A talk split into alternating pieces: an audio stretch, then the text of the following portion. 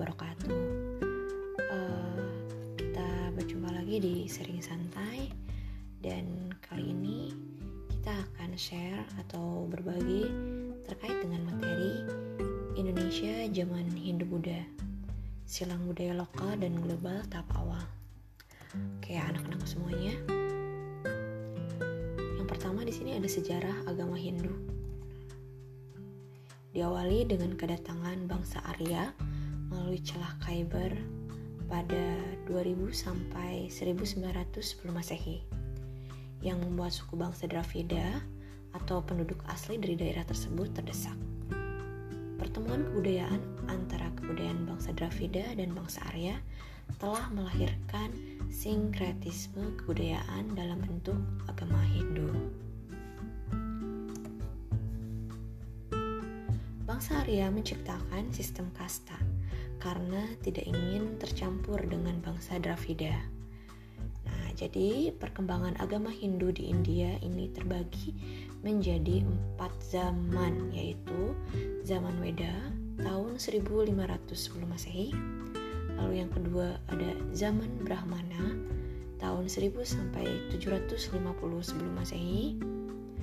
Yang ketiga ada zaman Upanishad tahun 750 sampai 500 sebelum Masehi dan yang terakhir ada zaman Buddha pada tahun 500 sebelum Masehi sampai 300 Masehi.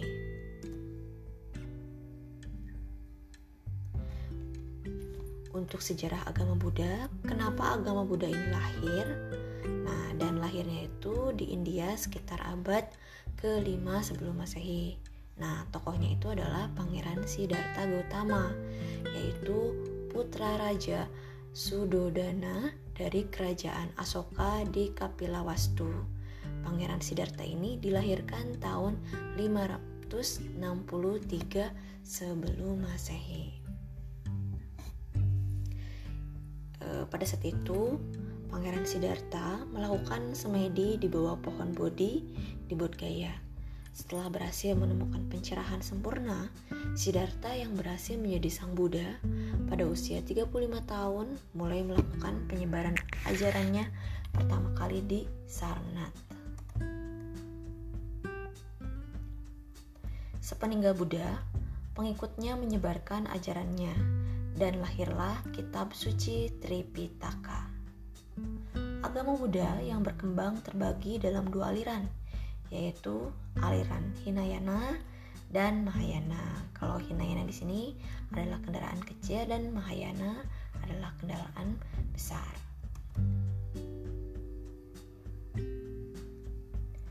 Sekarang kita langsung masuk ke teori.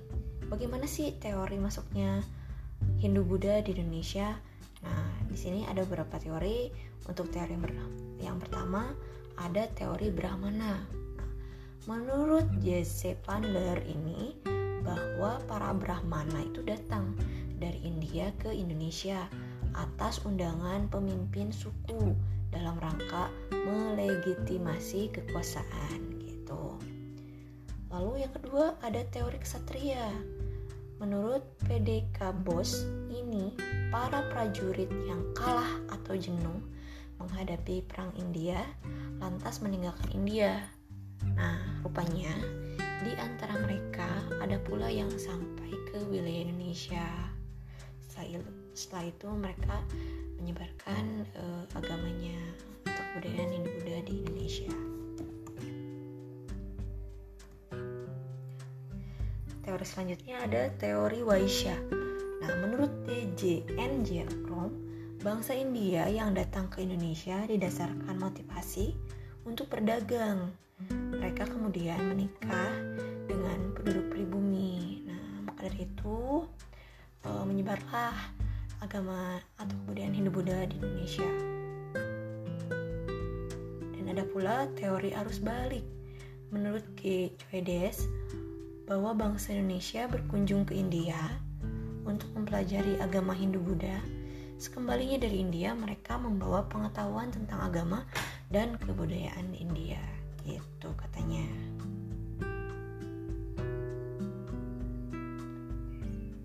nah sekarang kita lanjut nah di sini uh, ini adalah salah satu kerajaan Hindu tertua di Indonesia yaitu Kerajaan Kutai. Jadi kerajaan ini berlokasi di daerah Kutai, Kalimantan Timur. Apa sih buktinya? Nah, di sini ada bukti arkeologis keberadaan kerajaan ini adalah dengan adanya temuan prasasti yang ditulis di atas tujuh buah yupa atau tugu batu gitu. Dan nama-nama rajanya itu ada Raja Kudungga, Asmawarman, dan Mulawarman. Mana Raja Mulawarman melakukan upacara pengorbanan dan memberikan hadiah atau sedekah kepada para brahmana sejumlah 20.000 ekor sapi. Wow, banyak sekali ya. Dan di sini intinya kerajaan kota ini bercorak Hindu. Nah, gitu.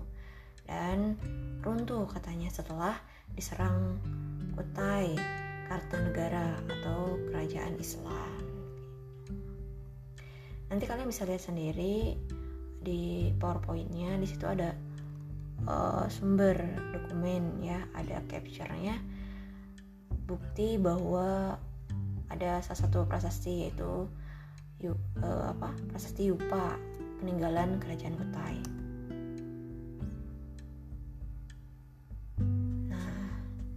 Selanjutnya di sini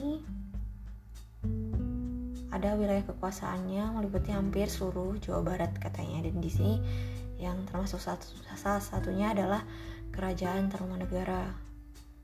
Nah, menurut proses Tugu katanya di sini yang masuk ke dalam wilayah kekuasaannya itu yang pertama intinya membentang gitu dari Banten, Jakarta, Bogor hingga Cirebon gitu.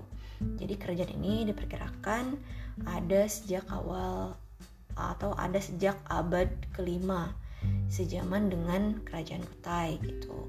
Dan nama-nama rajanya itu ada Purnawarman dan Sri Maharaja Linggawarman pada tahun 666 sampai 669 Masehi.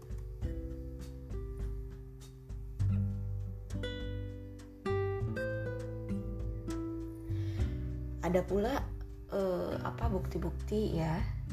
Di mana yang pertama itu ada prasasti Ciaruten lalu prasasti Tugu dan prasasti Kebun Kopi.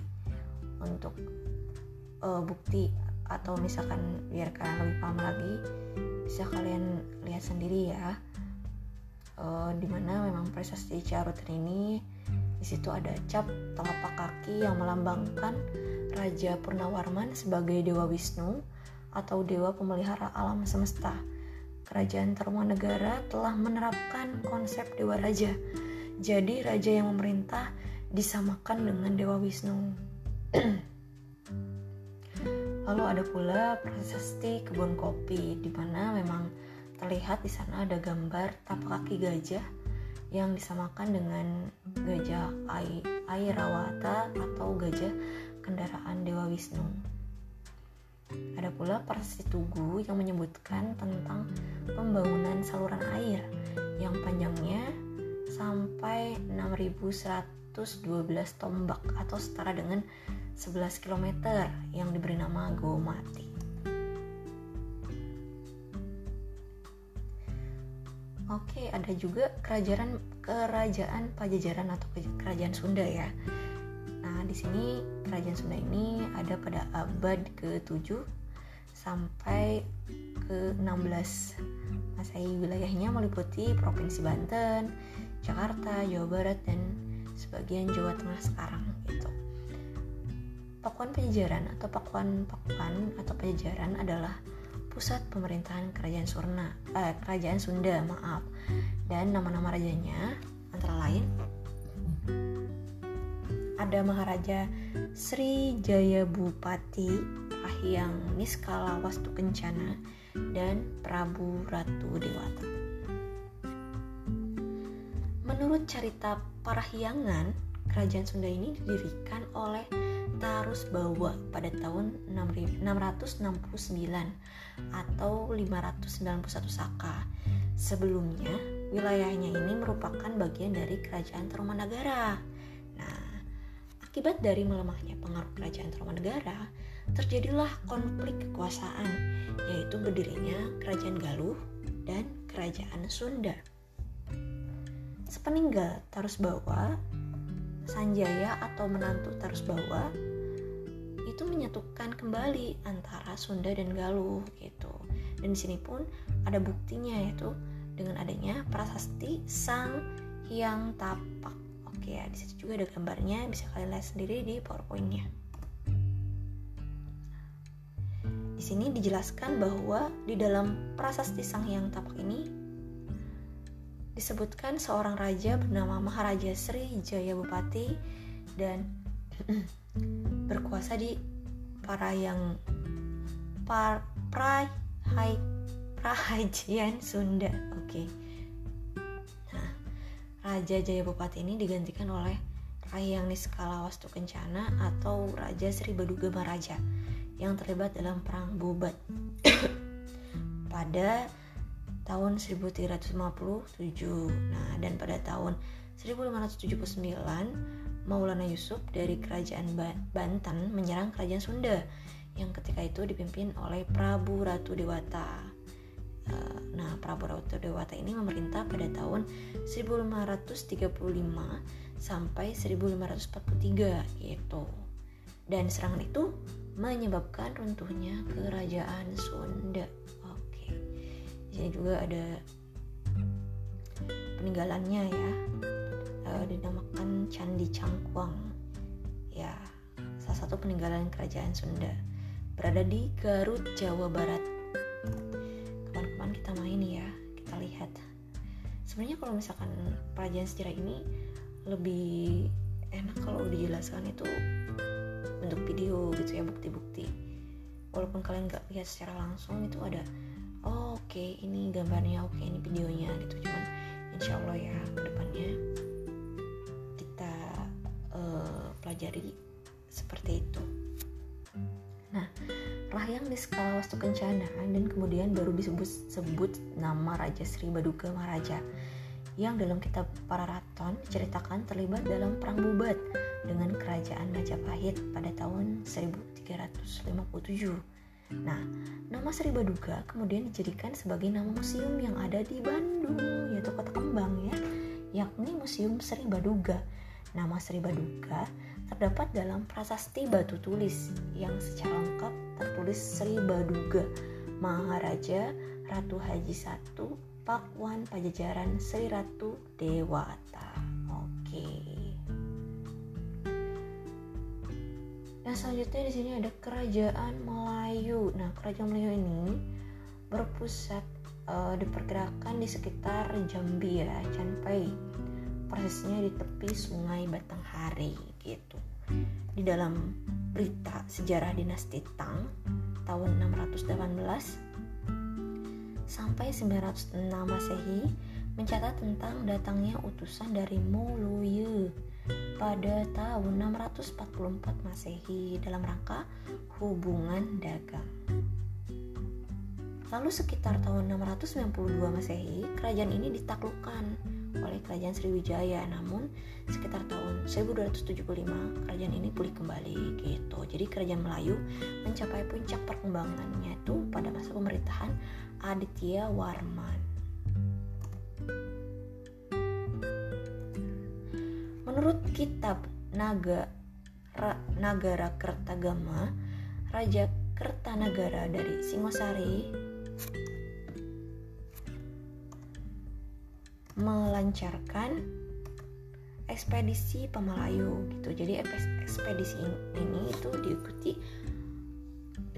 pengiriman arca Amuk Hapasa pada tahun 1286 sebagai hadiah kepada Maharaja Melayu Srimat Tribuana Raja Mauli Warmadewa. Oke. Ekspedisi Pemalayu dimaksudkan untuk menjalin persahabatan serta menggalang kekuatan militer bersama untuk membendung kemungkinan serangan dari bangsa Mongol di bawah Kubilai Khan. Oke, di sini ada arcanya ya. Peninggalannya itu Arca Amogapasya. Amogapasya. Oke.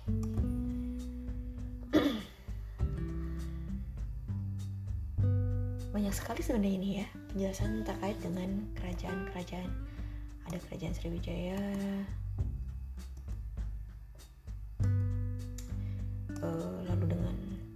bukti-bukti dari peninggalannya gitu. Ada kerajaan Kalingga juga. Kerajaan Mataram. Dan masih banyak lagi sebenarnya terkait dengan kerajaan-kerajaan kayak gitu ya. Anak-anak sampai kepada kerajaan Bali juga ada. Di sini adapun bukti-bukti pengaruh Hindu-Buddha dalam masyarakat yang masih ada hingga kini nah yang pertama itu ada bahasa dan tulisan jadi di Indonesia pada memasuki uh, abad atau zaman masa aksara ditandai dengan penggunaan huruf Palawa dan bahasa Sangskerta gitu. Nah dari situ pun terlihat bahwa memang oh ternyata memang ini ada nih bukti-bukti dari pengaruh Hindu Buddha uh, dalam masyarakat yang masih ada hingga masa kini gitu. Ada pula bukti pertama dikenalnya tulisan di Nusantara adalah tulisan yang ada di tujuh buah yupa di wilayah Kutai, Kalimantan Timur. Dan ada pula bahasa dan tulisan yang dapat dilihat di prasasti, kitab, dan manuskrip. Ya, intinya di situ ada salah satu yupa dengan deskripsi gitu ya. Ada pula dalam hal politik dan sistem pemerintahan. Salah satunya itu pengaruh dari Hindu di bidang politik muncul konsep Dewa Raja. Dari konsep ini, Indonesia mulai mengenal sistem pemerintahan kerajaan. Ada pula di bidang ekonomi dan sistem mata pencarian, di mana pada zaman prasejarah atau praksara, sebutnya praksara ya, bukan prasejarah praksara, di mana di sana penduduk Indonesia adalah pelayar-pelayar yang sanggup mengarungi lautan lepas. Lautan bukan penghalang, melainkan penghubung gitu. Ada pula kedatangan India memperkuat tradisi agraris yang semakin meramaikan aktivitas perdagangan dan pelayaran. Selanjutnya di sini ada agama dan sosial budaya, di mana dalam kehidupan sosial pengaruh kebudayaan Hindu yang nyata adalah dikenalnya sistem kasta. Oke ya kalian semua paham di sana ada kasta Brahmana lalu ada kasta uh, Waisya atau Ksatria dan Sudra dan lain sebagainya nah, ada pula dalam hal seni, banu, bang, seni bangunan, seni pahat, dan candi, relief candi. Candi umumnya berfungsi untuk menghormati dan memuliakan dewa-dewi Hindu gitu. Bangunan candi pada umumnya terdiri atas tiga bagian utama. Yang pertama, Svarloka yang melambangkan tempat para dewa atau jiwa yang telah disucikan.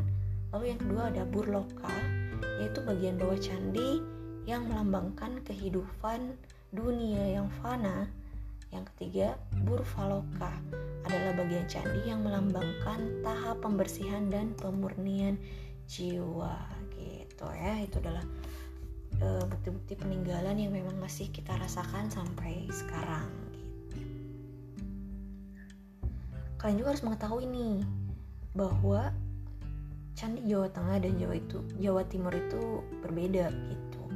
Kalau misalkan untuk candi Jawa Tengah itu biasanya berbentuk tambun dengan hiasan kalamakara di atas gawang pintu masuk gitu. Lalu puncak candinya pun berbentuk stufa dan bahan utamanya dari batu andesit serta umumnya menghadap ke timur. Sedangkan untuk candi Jawa Timur itu berbentuk lebih ramping. Puncak candinya itu berbentuk kubus dan di atas gawang pintu terdapat hiasan kala atau wujud kepala raksasa. Gitu ya anak-anakku semuanya. Nah, untuk materi kali ini terkait dengan bagaimana kita memahami e, dari persebaran atau masuknya Hindu Buddha di negara kita atau negara Indonesia gitu. Terima kasih semuanya. Maaf kalau ada salah-salah kata dari ibu. Semoga materi kali ini kita niatkan untuk ibadah dan menjadi ladang pahala untuk kita semua. Wassalamualaikum warahmatullahi wabarakatuh.